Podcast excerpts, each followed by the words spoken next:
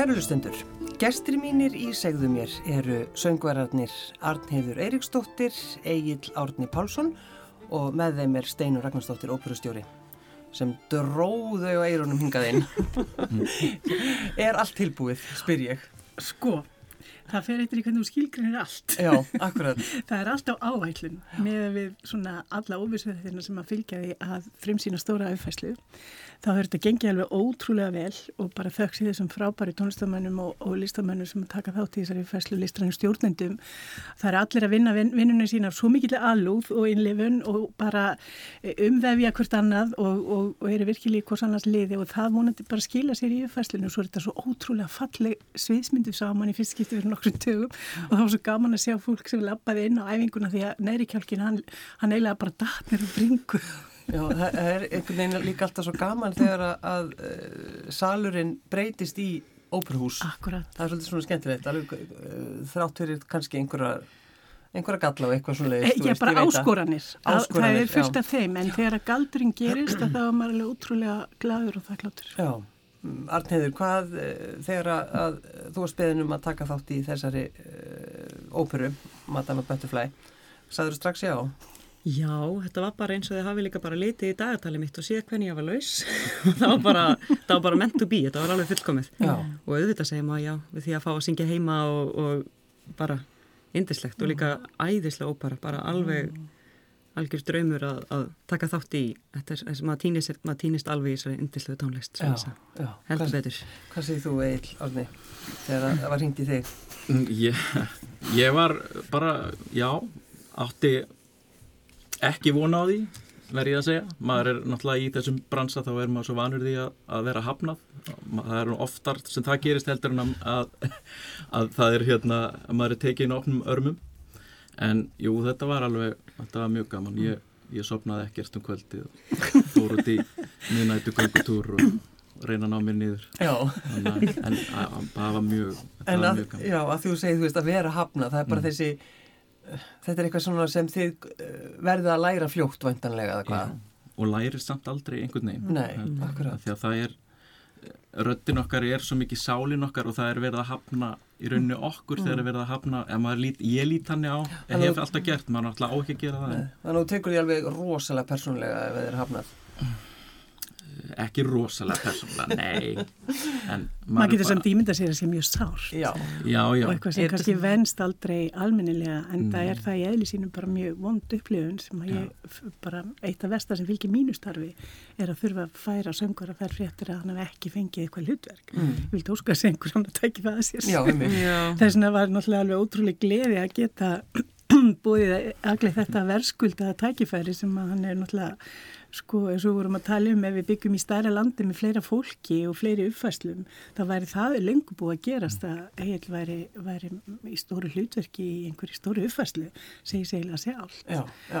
Þetta er bara þessi veruleiki sem við búum við á Íslandi að þetta er, er ekki nægilega mikið af uppfæslum til þess að skapa nægilega mörg tækifæri fyrir alla þessar frábæri söngvara mm. og þess vegna sem betur fer fá þeir tækifæri elendis mm -hmm. eins og Arnæður í Prag og, og við getum nefnt mörg dæmi og maður er náttúrulega bara mjög gladur fyrir þeirra hönd. Mm. þó að sé líka leðilegt að geta ekki starfað að fullu við sína list í sínu heimalandi. Já.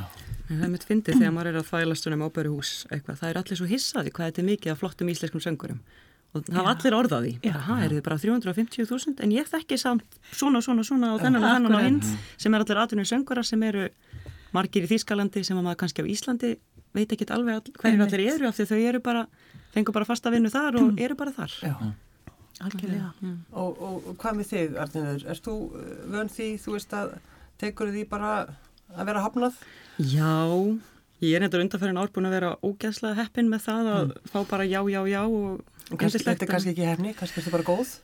Er, ég held að það til að, til að vera í þessum baransa þá er þetta bara vera tilbúin þegar hefnin kemur. Já. Er svolítið, af því maður veit líka sérstaklega hérna heima margir sem að mm. að það, er, það vantar ekki röttina, það vantar ekki hæfileikana, mm. það vantar Nei. tæming, það vantar ja. það að, að því að þetta er sko, þetta er ekki það hvort þú ert góður eða slæmur, af því að ljómsna, því að röttin er svo, rattir eru svo mismunandi og henda fyrir mismunandi hlutverk og svo þú ferð og syngur fyrir óperuhús, þá er þetta vantar þá mig, Já. ekki er ég nógu góð, heldur mm. vantar þá mig núna. Og svo kannski eftir tvö ár þegar það vantar mig þá er ég fyrst í öru verkefni. Já, já, eða svoleiðis og þetta er bara algjörlega. En er, svoleiðis. Er þetta einhvern veginn þannig að maður sko venst þessu og verður bara svona einhvern veginn harðari og töffa, meiri þú veist ég, að það bara... ég veit það ekki sko. Ég, ég hef ekki vanist þessu alveg. Eða jú, ég lík því nú ég hef alveg vanist þessu maður, maður er orðin auðvitað þetta er líka með, með, með hækkandi aldrei að þá verður maður svona aðrulausari aðeins Svo má ylli venjast að það hætta að trubla mann. Já, einmitt, akkurat. já. en það er bara, þú veist, það er svo margt í þessu þetta er ekkit endilega bara það að mæta á staðin og syngja heldur, það eru svo uh, það sem að gerir þetta líka erfitt þegar maður er að- syngja fyrir sérstaklega eins og í, í Þýskalandi og svona er að þú kemur inn í eitthvað sal sem þú hefur aldrei sungið í áður. Þú veist ekkert hvað er að fara að mæta er hvort að stemningin sé alveg dauð eða lifandi. Og það hefur ósað mikil áhrif á það líka hvernig maður getur beitt sér og hvernig manni líður. Já. þannig að það skila sér allt. Ég er sko, já, ég er bara stundu fyrður lostin í að fólk velji þetta fag því þetta er bara, það er meirin að segja það eins og þið talið um, þú veist, já, nei, við höfum bara samband við þig síðar og, og alltaf og gefið þið allt og, og þetta er bara, þetta er ekki bara rugg. Ég, meina, ég, seg, ég segi eins og allir held ég sem að fara út í þetta, þetta er rosalega gaman en ef ég væri að fara að byrja núna og vissi það sem ég vissi núna þá myndi ég aldrei fara að stað. Já, hún meina það, já, Það er bara svolítið. já. En, og, og ég er ekkert að íta börnunum mínum út í þetta eða neitt svolítið. Nei, þú bara, þú ert alls ekki að fara í... Nei, ég, ég, ég mun ekki banna þeim það en, en ég er heldur ekki sérstaklega að íta eftir. Nei, akkurat. En verður þessi þörf ekki líka að koma svolítið innan frá, að, að, hvað sem maður er söngverið eða hljóðfærileikari, verður maður ekki að upplifa svolítið að maður þurfa að gera þetta, annars mm. munir maður bara einhvern veginn vissna og, og, og, og, veslast það, upp. ég er nefnilega, það er líka það sem er svo skrítið, að eftir að ég kom heim þá hugsaði mér, en nú er ég bara hættur þessu, Já. þetta er bara veist, þetta er ekki þessi virði, allt streitan og Já. og allt í kringum þetta. Svo einhvern veginn alltaf sogast maður aftur inn, Já, maður ætla sér það ekki. Aðdráttur að bliða svo stærst. ég hugsaði með mér, einmitt þegar ég fór og söng fyrir núna þetta hlutur, íslensku ópinu þetta er það síðasta sem ég geri, Já, síðan er ég hættur. þannig að Þetta var, ég, er mjög dramatískur sko, kannski er það þessna sem að henda mér ágætlega að vera í þessum bransa. Ég Ég veit er það rosalega ekki. glöðu mættir. Já, þetta er í síðasta skipti. en maður myndi alltaf sjá eftir því maður hefði ekki gert það. Já. Já, og ég hef aldrei, ég hef alltaf tekið öll tækifæri sem ég bjóðast af því að ég vil ekki geta, vil ekki segja á dánarbyðinu, ég nýtti ekki þau tækifæri Já, sem að mér bjóðust Akkurat. En það er einmitt eitt af því sem að ég þá svara þegar fólk spyr af hverju er svona mikið af, af söngurum frá Íslandi. Já. Er það ekki þetta mentalitet? Þú getur alltaf pröfað, þú mátt alltaf hætta við og skipta setna. Já. Það er nefnilega í öðrum löndum er þetta oft ef þú er Einmitt. komin upp í 30 eða yfir þá eru sent að skipta um skoðun. Já. Og það er náttúrulega bara staðirendin í þessu fæi að 70-80% af þeim sem fara út í þetta hætta um það leiti sem að flest, flest önnustöður byrja að vinna. Nákvæmlega. Af því að það, þau komast ekki inn í einhvern veginn þetta atvinnulíf að vera með örygga tekjur af þessu. Já. En á Íslandi er það bara allt í lagi. Það er bara í samfélaginu viðurkent að þú mátt skipta um skoðun á meður leið. Og þess vegna er ekkert alvarlegt að fara út í þetta og pröfa og fara í nám og, og gera eitthvað af því þetta er náttúrulega, þó þetta sé erfitt, þá er þetta líka ótrúlega skemmtilegt og gefa manni svo magna reynslu inn í hvað annað sem það svo gerir og eftir. Akkurat. hvernig er lífið þitt í Prag, Arnöður? Það er bara, ég er rosa upptekinn, rosa mikið að gera mikið að syngja og líka að þvælast tölvört, ég er ekkert bara í Prag, ég er alltaf annarslæði með uppfæslir í Þýskalandi líka og tónleika hér og þar og einhvern veginn bara að ég gifti mig í sömar og ég bara veit allan hvernig maðurinn minn lítur út svona stundum. Já, veistu, hvað, veistu hvað hann er? Hann er þú hann er þaðan sem er einmitt ástæðan fyrir því að við ákveðum að setjast að þar af því að við vorum aðskilin út af COVID, þá sagt ég var fast það sem ég var fastur hann í Þýskalandi, Já. hann var fastur í Tjekklandi og þegar landamærin var lokað þá bara gáttum við ekki sest í fjóra mánu af því við vorum ekki gift, þá vorum við samkvæmt lögum ekkert hvort fyrir öðru. Já, þó við vorum búin að vera, já, við vorum búin að vera saman í hvað, sex ár? En bara af því við vorum ekki með þennan pappir, þessa ringa þá vorum við ekkert hvort fyrir öðru. Magna. og hvað var einhverju fjóri mánuðir sem við gáttum ekki sest af því ég mátti ekki fara stifið landamæri til hans og tjekkar lokuðu fólki sitt inni. Akkurat.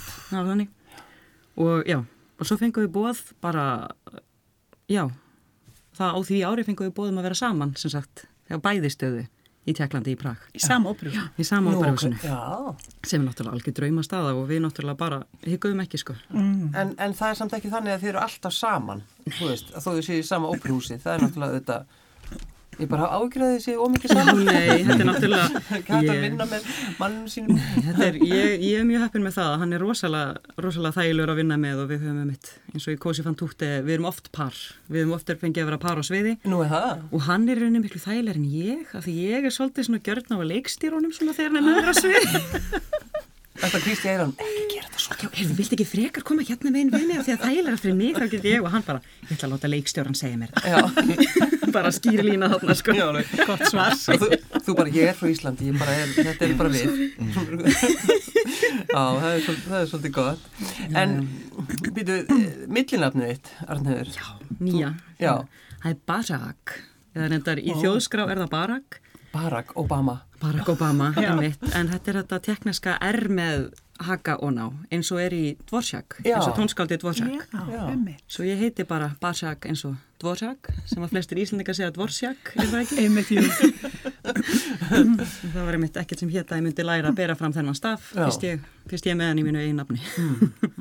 En þegar maður er, uh, Arnheður, í, í, í svona, þú veist, þið eru komin í, er þið í óperhúsi og svona, eru þið að hugsa um, þú veist, að stopna fjölskyldu? Þá er ég minna, þú veist, uh, börn, er, er eitthvað svona, hugsið þið eitthvað þannig? Já, við erum rosalega, ég menna, nú erum við náttúrulega ný gift og því fylgja alls konar svona. Það fylgja alls konar Alls konar svona, svona barn, hugsanir og svona ránkumundur um einhverja batnignir Jú, jú, bara, þú veist að þetta er bara vesen. Já, nei, en það er náttúrulega bara líka þetta, maður er sérstaklega ég, ég sérhafi mig að leika stráka Já, og þá er það náttúrulega að byrja, byrja að sjást á manni á okkurum tíma já, já, þá er þetta bara reikningstæm og púslispil hvenar hendar hvaða tækifæri Mm. til að gefa upp.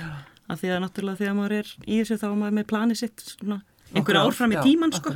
þá veit maður, ó þarna 2025 er ég með geggja tækifæri og ef ég er akkurat sko komin sjö mánu að leið þá þetta púst. Þetta kallar svo Framtíðarstefnumótun. náttúrulega og svo náttúrulega spyr, spyrja bækninginir ekkert um reikningsdæmi sko, það er náttúrulega bara er bara ekki að ég við tökum þessu öllu bara með ákveðnu Já. og bara lífið er eins og það er, er það Já, ekki? já.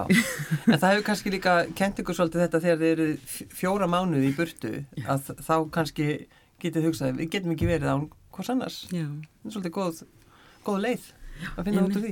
en það trúlum við okkur bara strax og við sáumst og Já, það ekki. það var ekkert, já, Hendi sér á nýjan. Þetta er eiginlega bara efni í óperu. Já, Þetta er þetta efni í óperu, þetta er mjög er dramatíst. þetta er ekki alveg nóg dramatist Nei, fyrir það, sko, ég held að sé engin á leiðinu með samúræðisverði hérna. Nei. Já, Það er engin um- sár. En hvað með þig? Þú varst náttúrulega í, þú varst í Þýskalandi það ekki? Jú. Í, hvað, í nokkur ára það ekki? Jú, jú, ég var í Berlín í, í þrjú ár og svo fekk ég fastráningu í litlu húsi hérna í Görlitz þar sem að ég var svona allt í öllu, eh, allt múlíkt maður þannig séð, Já. söng eh, ansi mörg hlutverk og það voru held ég hundra sýningar á ári sem að við vorum að gera og Vá, það var það er mikið. Já, það, ég held að sko viðmiði séu 60 Mm. en, en þetta var bara þannig að þú veist, svo koma jólatónleikar þeirra hverjum einasta degi allan desember og svona þannig að þetta er alveg svona þetta er alveg pínu trikki sko þegar maður er í litlu húsun að þá, þá hefur maður ekki þessa svona alveg þessa vernd sko eins og stóru húsin eru með þar sem að þú fær bara ákveðin tímaslott að svo vinnur, þarna ertu bara að vinna allt Og í rauninni getur ekki sagt nei við Nei. bara því sem þú ert, já. það var þannig sem að ég í rauninni hætti þegar mér ofbauð sko, þegar yngri dóttir mín fættist úti Já. Þá fekk ég einn dag frí og síðan eftir það hérna eh, kölluðu þeir minn á skrifstofu og segði við erum ætlum að senda það er nú er svona farand eitthvað. Þannig ég átt að vera fara heiman á mótnana klukkan átta með rútu til eitthvað í eitthvað annan bæ í Þýskalandi. Þar voru tónleikar um kvöldið og svo keira heim aftur og það var þá sagði ég bara, þú veist, er þetta ekki uh, full gott, skilur ég með nýfætt barn heima, þau, þau voru að setja mig í þetta sem sagt, þetta var ekki þess eðlis að þetta væri eitthvað óperusýning, sko, sem að ég, ég væri með eitthvað hlutverki, þetta var þetta var ein held ég tíu sekundna setning í, í kór, kórverki. Og, nei, og þá um leið og ég hérna, andmælti þessu og sagði veist, þetta, mér finnst þetta bara ekki sniðut og þá bara, þá bara þú gerir það sem þér er sagt var sagt um mig. Já, ég fór beint heim og skrifaði uppsagnabriði bara um leið. Veist, það er bara, þetta er svona, sum hús eru með svona attitút því miður og, sö- og það eru til marga sögur um þetta en svo eru margi kollega mínir sem að bara fá allan skilning í heiminum fyrir svona hlutum. Og þetta er bara mismunandi á hverju maður lendir sko. þannig að það er það sem gerir hennar bransa svolítið erfiðan stundum. Já, þannig að þegar sagt við þig þú þarfst að leika trí og, mm. bara, og þú bara, eða fótataki fjerska þá bara þurftu að segja já. Það bara gerir maður það. Já, það er náttúrulega, þá kannski verður maður svona fyrir af þessu sérminn þá fyrir af þessu sérminn já, því maður fer út í þetta að því að þú veist, þetta snertir mann, mann þykir þetta gaman. Já, það já. er, það, kollegarnir og allt í kringum þetta er svo æðislegt. En og líka svo, kannski geta sagt, já ég er að vinna í ég er að vinna í óperuhúsi, þú veist, Já. það er bara góð tilfinning Já. en svo kannski hættir þetta að vera skemmtilegt. Þetta þarf að vera skemmtilegt þú veist, þetta er eins og það er oft hérna, eins og við lendum oft í því auðvitað að vinna, vinna frítt og, og gefa vinnun okkar og svona. en það, það er líka vegna þess bara að okkur þykir þetta skemmtilegt. Þó eigum við ekki að gera það en, en fólk líka út í þjóðfélaginu það nýti sér þetta.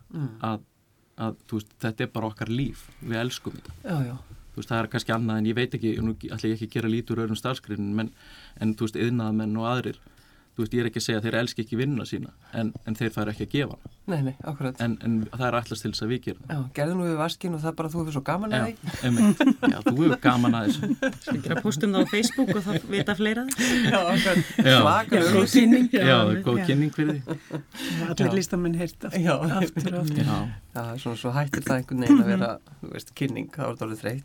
Þannig að það væri raun auðvöld ákvörðin uh, eiginlega að koma heim eftir þetta. já, hún var samt ekki, ekki auðveld, ég get Nei, ekki sagt það nei. af því, að, af því að, að þeir buðu mér síðan áframhaldandi tveggjára samning uh, sem að mér fannst mjög leðilegt að hafna en bara, þú veist, með hvernig það var búið að vera þá, þú veist, bara vildi maður það ekki Nei, Þú veit, ég var meira að segja á mjög góðum launu, ég var næst launahæsti söngvarinn í húsinu, ég er samt nýr.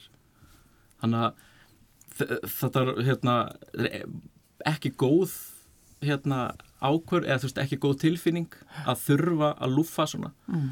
en um, ég mat bara mína eigin geðhilsu aðeins hærra heldur en þetta.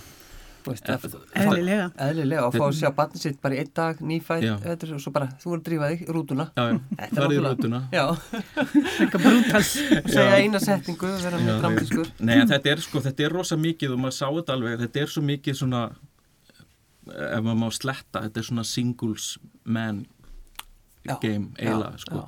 Af því að þarna voru kollega mínir sem að voru einhleipir, þeir voru bara góða málum. Góðum málum, Já, já, bara fínum launum, þú veist, geta mjög auðvitað farið eitthvað annað og Mm. ef þeim býðst eitthvað annað þá bara fara þeir þangað og ekkert mál að rífa upp, þú veist, ég var komið með börnin á leikskóla og svona alls konar. Þannig að þe- þetta er alveg svona þú veist, ef maður er ekki komið alveg fast heimil í þessu, sumir fá eh, hérna, ráðningu í lengri tíma. Mm. Og þá er það náttúrulega þetta æðislegt Já, já. En maður hefur nú oft talað við mitt óperu uh, söngvara sem bara elska það að búa í ferðartöskunni sinni og Já. eru bara ekkert að sapna eittalaglössum eða neitt og eru bara mjög ánæður með það. Ég meina, mér þykir þetta, mér þykir þetta alveg skemmtilegt Já. líf, sko, ég er svona, er svolítill innfari sjálfur, þannig að ég gæti alveg unni við þetta, Já. bara vera einn að flækjast einhvers staðar, Já, en það er náttúrulega mér finnst bara, veit ekki, ég mata bara meira að eiga fjölskyldu og, og gott samband við hana. já. Ef við ekki aðeins að tala um þessa óperu. Madame Butterfly. Það er ekkert skemmtilega heldur en að fá að vita söguþráðin. Þetta er það skemmtilegast sem ég heyri. já, Ef við ekki að byrja bara. Þetta er náttúrulega einn dramatískasta óperan, ekki það að það séu eitthvað minna dramatískar flestar og enda oft með, með uh, andláti og þá oft hvern personunar og þessi er engin undatekning en þetta er náttúrulega einn allra fallegasta ópera margra mati sem hefur verið samin. En sko, þú hefur, þú hefur oft komið til mín og þá se- segir oft þetta, þetta er nú eiginlega bara fallegast ópera sem hefur verið samin. Sko, Og maður, er alltaf, já, ég veit það. ég reynir svolítið að halda mig þar. Já. Nei, maður getur náttúrulega ekki valið sem stjórnandi að, að standa fyrir uppfæsli sem manni þy- þykir ekki sjálf, sjálf falleg og, og, og hérna, það rekum mann náttúrulega svolítið áfram og þessi uppfæsla e, e, var mér sérstaklega einhvern veginn e, bara hugleikin og, og, og mikilvæg Já. Og, og hérna e, og ég, það tók svolítið tíma að finna rétt að leikstjóran svo þegar hann var fundin og við vorum á sama e, með, með sömu hugmyndirnar og þá e, hérna unnum við þetta saman í, í, í COVID, þetta konsept og við erum að gera get svona á þess að fara að segja allt og þá, þá erum við að gera hlutina svolítið óvenjulega í þessari uppfæslu við notum salin öðruvísi heldur en venjulega og leikmyndin er, er ótrúlega falleg og uh, uh, sko það, það, þessi ópera hefur bara allt til að bera Já. þennan dramatíska hérna, sögutráð þessar, þessi, þessi stefnum og tveggja hérna, kúltúra ef að svo má orðið komast og hvernig þeir uh, eiginlega hérna, saminast og miskiljast og, og svo þessi, þessi ótrúlega ást sem að verður þarna til og, og vonin og, og þráin eftir betra líf og svo þessi óbærilegi missir sem að konan verður fyrir þegar hennar von að lokum deyr og hún kýsa degja með henni þá, þetta er náttúrulega bara, þetta hefur allt sem, sem góð ópera þarf að hafa þessu, þessu ótrúlega tónlist og, og, og sögutráðurinn og, og bara breytin mm. í, í tilfinningaskalanum er óendanleg. En var, var hún strax, var hún strax vinsæl? Var... Nei, það var nefnilega hérna alltaf svona óhefilegt að, að, að hún eiginlega floppaði á frumsýningu í, í, í hérna La Scala 1904 og það verður aldrei fundist alveg skýring á því en, en líklegast þykir að öfundarmenn Puccinis hafi saminast um að hveða síningun í kúti. Og púa þá og, og sko miklu meir en það. Þeir bara sko bara voru bara með fjandsamlega tilbyrði kakvart síningunni og flytjandum kom einhver vindkviða og, og, og sönguna var eitthvað framstæð og þá heyrðist bara hróp og köllum að hún var örglega ófrísk. Og svo þegar hún kom með batnið að þá sjáu þið þarna lausalir króin þetta, þetta var bara ótrúlega algjörlega hérna, bara ávinnsamlegt og Puccini var alveg með í skilaði peningunum sem hann hefði fengið fyrir að panta óperuna. En þráttur að hafa lítið sjálfströst sem tónskald og yfirleitt trúðan ekki mjög mikið á það sem hann var að gera þá trúðan á þessa óperu og ákvaða bara endur vinnana svolítið. Og svo þegar hún var e, sínd aftur í Brescia tveimur ára setna þá var, hún, þá var bara total success og hefur verið allakvöldi síðan. En breyttan henni eitthvað? Hann breyttan henni lítilega, hann sett inn aðríðuna Pinkertons og hann hérna, e, já, hann gerði svona einhverja breytingar en ekki engar monumentar. Nei, nei, nei. það þótti bara svona freka við en það fyrst að var tenor í, í hérna verkinu að hann fengið nú aðri Já, hann kvartaði nú sá Já, já, hann kvartaði svo sem að upprunnulega var einhver rosaljóður tenor og, og ég man ekki hvað hann heitir en, en hérna þetta voru frábæri listamenn sem að voru í frumsýringunni Þannig að það þykir líklegast eins og öfundin enn og ósjármirandi eiginleiki í, í, í hannun manneskjunas mm. verður að segjast að þarna, þarna er einn byrstingamind þess. Hvað getur gæst þegar að, að, að fólk ræðist að velgengni einhversa að því að hann var náttúrulega snillingur í sínu fæ það fór ekkert á millum mála. En hugsið ykkur, þú veist, að standa á sviðinu og það er bara púað og það er verið að, þú veist. Hún brast í gráð og hún gæti allar sungið söngurinn á frumsýningunni. Þetta var bara út af, út af já, þessum þessum bara ofbeldi. Aðdróttur, já, maður er ekki þetta að kalla það mm. Þetta er svo skrítið, þessi menninga húi og svona, þessi skil ekki. Nei, og Ítalju leifaði sér þetta anþá kannski ekki að þessu marki nei, nei, en, en þeir eru mjög heiðanleiri viðbröðum og maður heyrir alltaf einhverja sögur af því að eins og til Gila Bartoli núna þegar hún var í sitt fyrsta skipti á skala bara fyrir nokkrum vorum, þá var púað á hana. Ég trú ekki að vera púað á hana. Jú, það er ásamlegu söngkonu. Ég er í áfalli. Komur öskur eitthvað, ég heyri ekki þér, ég heyri ekki þér og eitthvað svona sko Gefið hann um fingurinn Kanski hún að það var nú sterkjala þóleika það er nú, segi nú ef þeir púa á hana þá hvað að gera við einhver aðra sko. Þá er eitthvað sem rekur það áfram annað heldur en bara hérna kröfuharka, það er einhver, einhver hérna, mm. minnumóttakendið efinn sem að það spilar inn í En sem sagt, uh, aðeins um sem sagt Pinkerton, það, það er þú Egil mm -hmm. og hver er, hver er Pinkerton? Hann er sjólísfóringi frá uh, bandaríkjunum sem kemur til Nagasaki og hittir Tjótsjósan og, og hérna Já, svona fær hann að legða Já, við viljum nú ekki kannski, kannski leggja það þannig upp í þessu, þessu konserti, við rettum þetta mikið með það því að þessi óper er oft sett upp þannig að honum sé engin alvara með þess og hann sé bara að leika sér, þetta sé allt saman bara svona já. overnight eitthvað joy. En e, í okkar sagt, nálgun að þá vi, vildu við virkilega að þau eruðu ástfóngin og þó að hún leggja auðvitað meiri, meira upp úr þessu ástasambandi og sé miklu tryggarið í og, og hefi miklu meiri væntingar heldur en hann sem svo fer aftur til bandaríkjana og giftist annar í konu. Mm. Það er augljóst. En á meðan þau eru saman uh, að þá, þá er raunverulegt ástasamband og millið þeirra. Mm. Er ekki með textu sönnagögnum um það? Þess bara það að bæta við þessari arju. Sínir er það ekki, þessi arja sem svo kemur sannar það að hann, honum er ekki saman og þessi duett og þessi ástasinna þeirra á milli hún er náttúrulega bara himnask mm. og það getur enginn feika svona.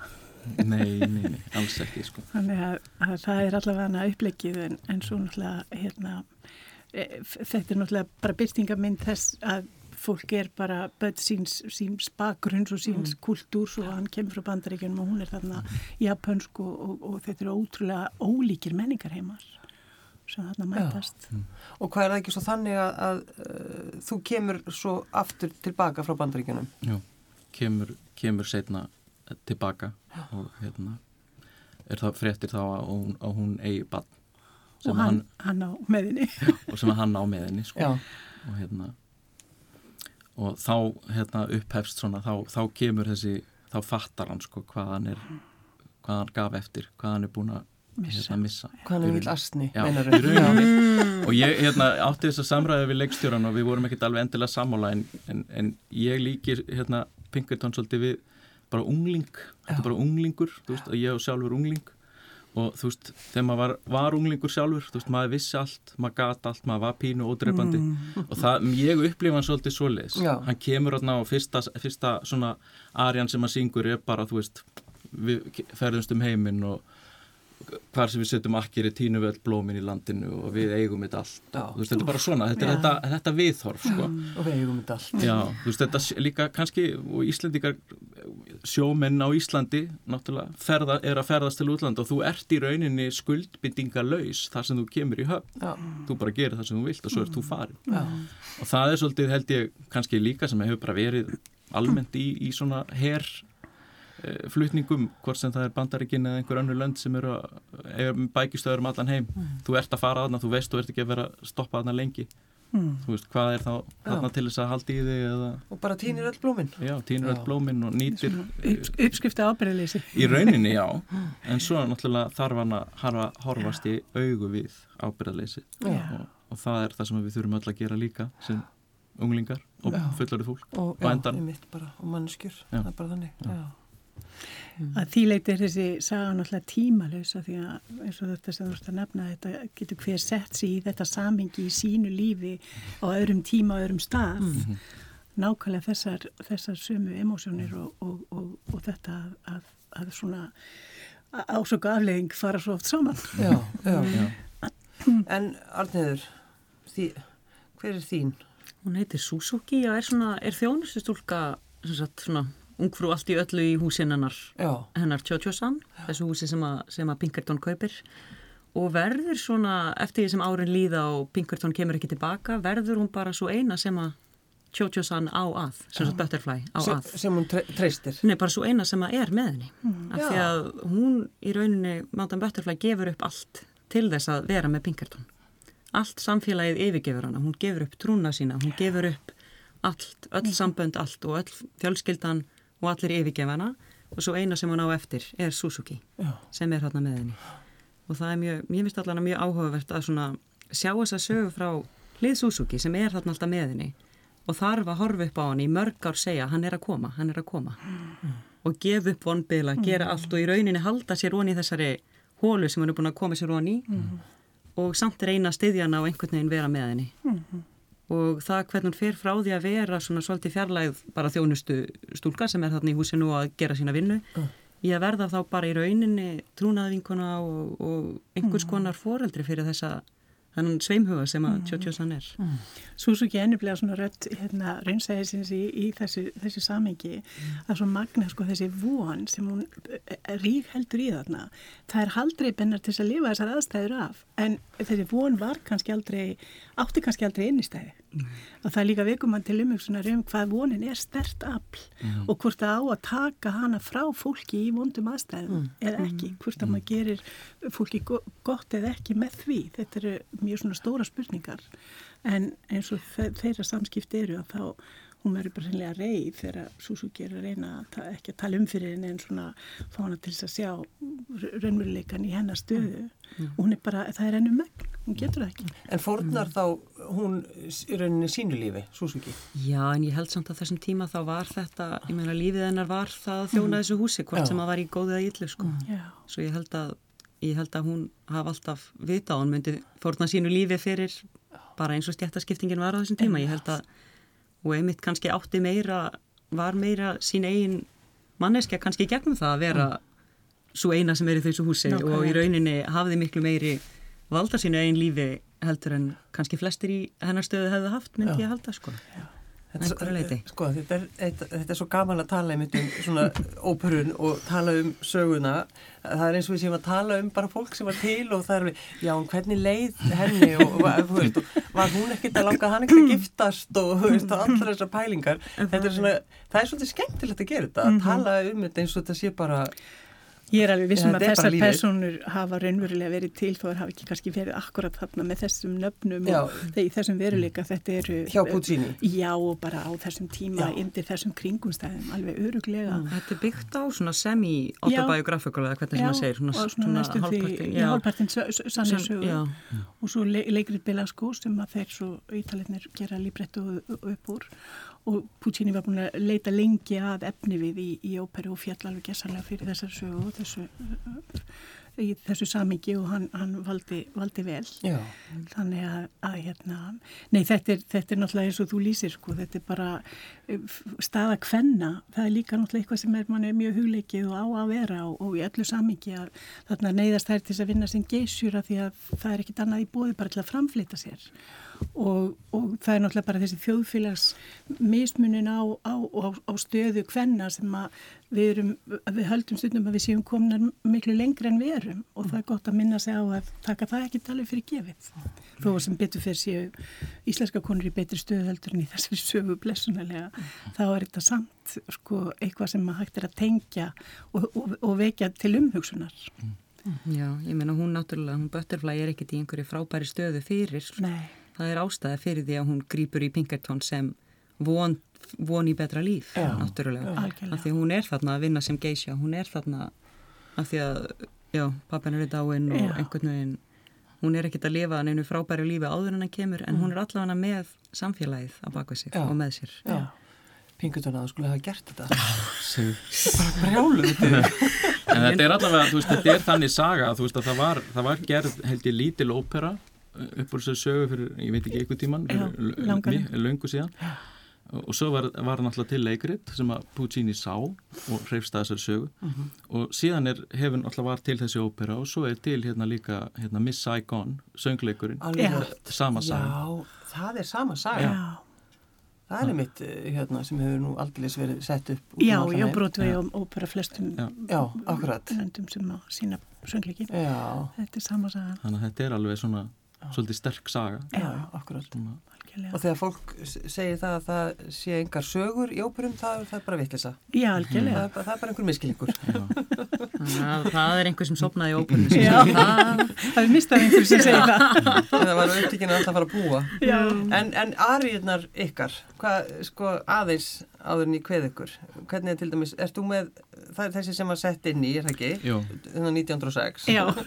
Eh, hvað ertu, ertu með margar ariður eða? N- n- Nei, ekki beint ég, svona, Þær eru í rauninni þrjár eh, þú veist, Ég vil meina að þetta séu þrjár arjur en þær eru allar mjög stuttar Já, og hérna, sem sagt, þessar fyrstu tvær eru, Pinkerton eru upphæflega skrifaðar svona sem svona samtalslutverk svolítið, hann Mhm. er alltaf með í samtölum, hann er að syngja í eh, hérna, eh, ekki fjöldasöng svona tríóum Já, já. og, og duettum uh, og hérna sem sagt í rauninni fyrstu, fyrstu arjurnar hans eru bara, þú svona þessar ástar þú veist, fyrst syngur hann um hvað hann elskar að vera kani sem ferðast um heiminn og svo fer hann að syngja um Butterfly, hvað Jú, hann jú. er yndislega og heitlaðan og, og síðast arjan hans er, það er svona þegar hann er búin að fatta þetta þú veist, já, að hann er rastni.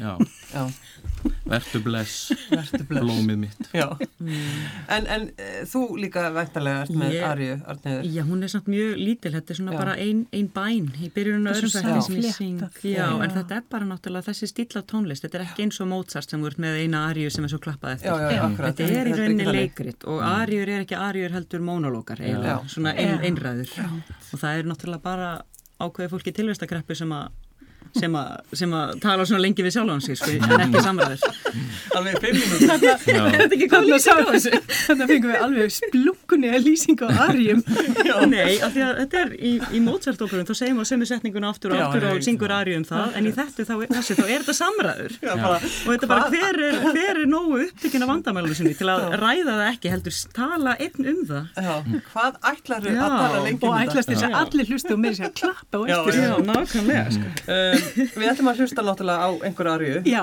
Einhverju arju, segir sko Steinun. bara Arijan, hún bældir í vedrim og einn ein fallegan dag munan snúa aftur og, og þetta er náttúrulega bara sam eh, nefnari vonarinnar og fegurinnar, Mm. fegurinnar og, og, og hennar sín á það sem hún þráir og, og við ætlum að hlusta á hana hérna í uh, uh, fallegum flutningi Renato Skotto.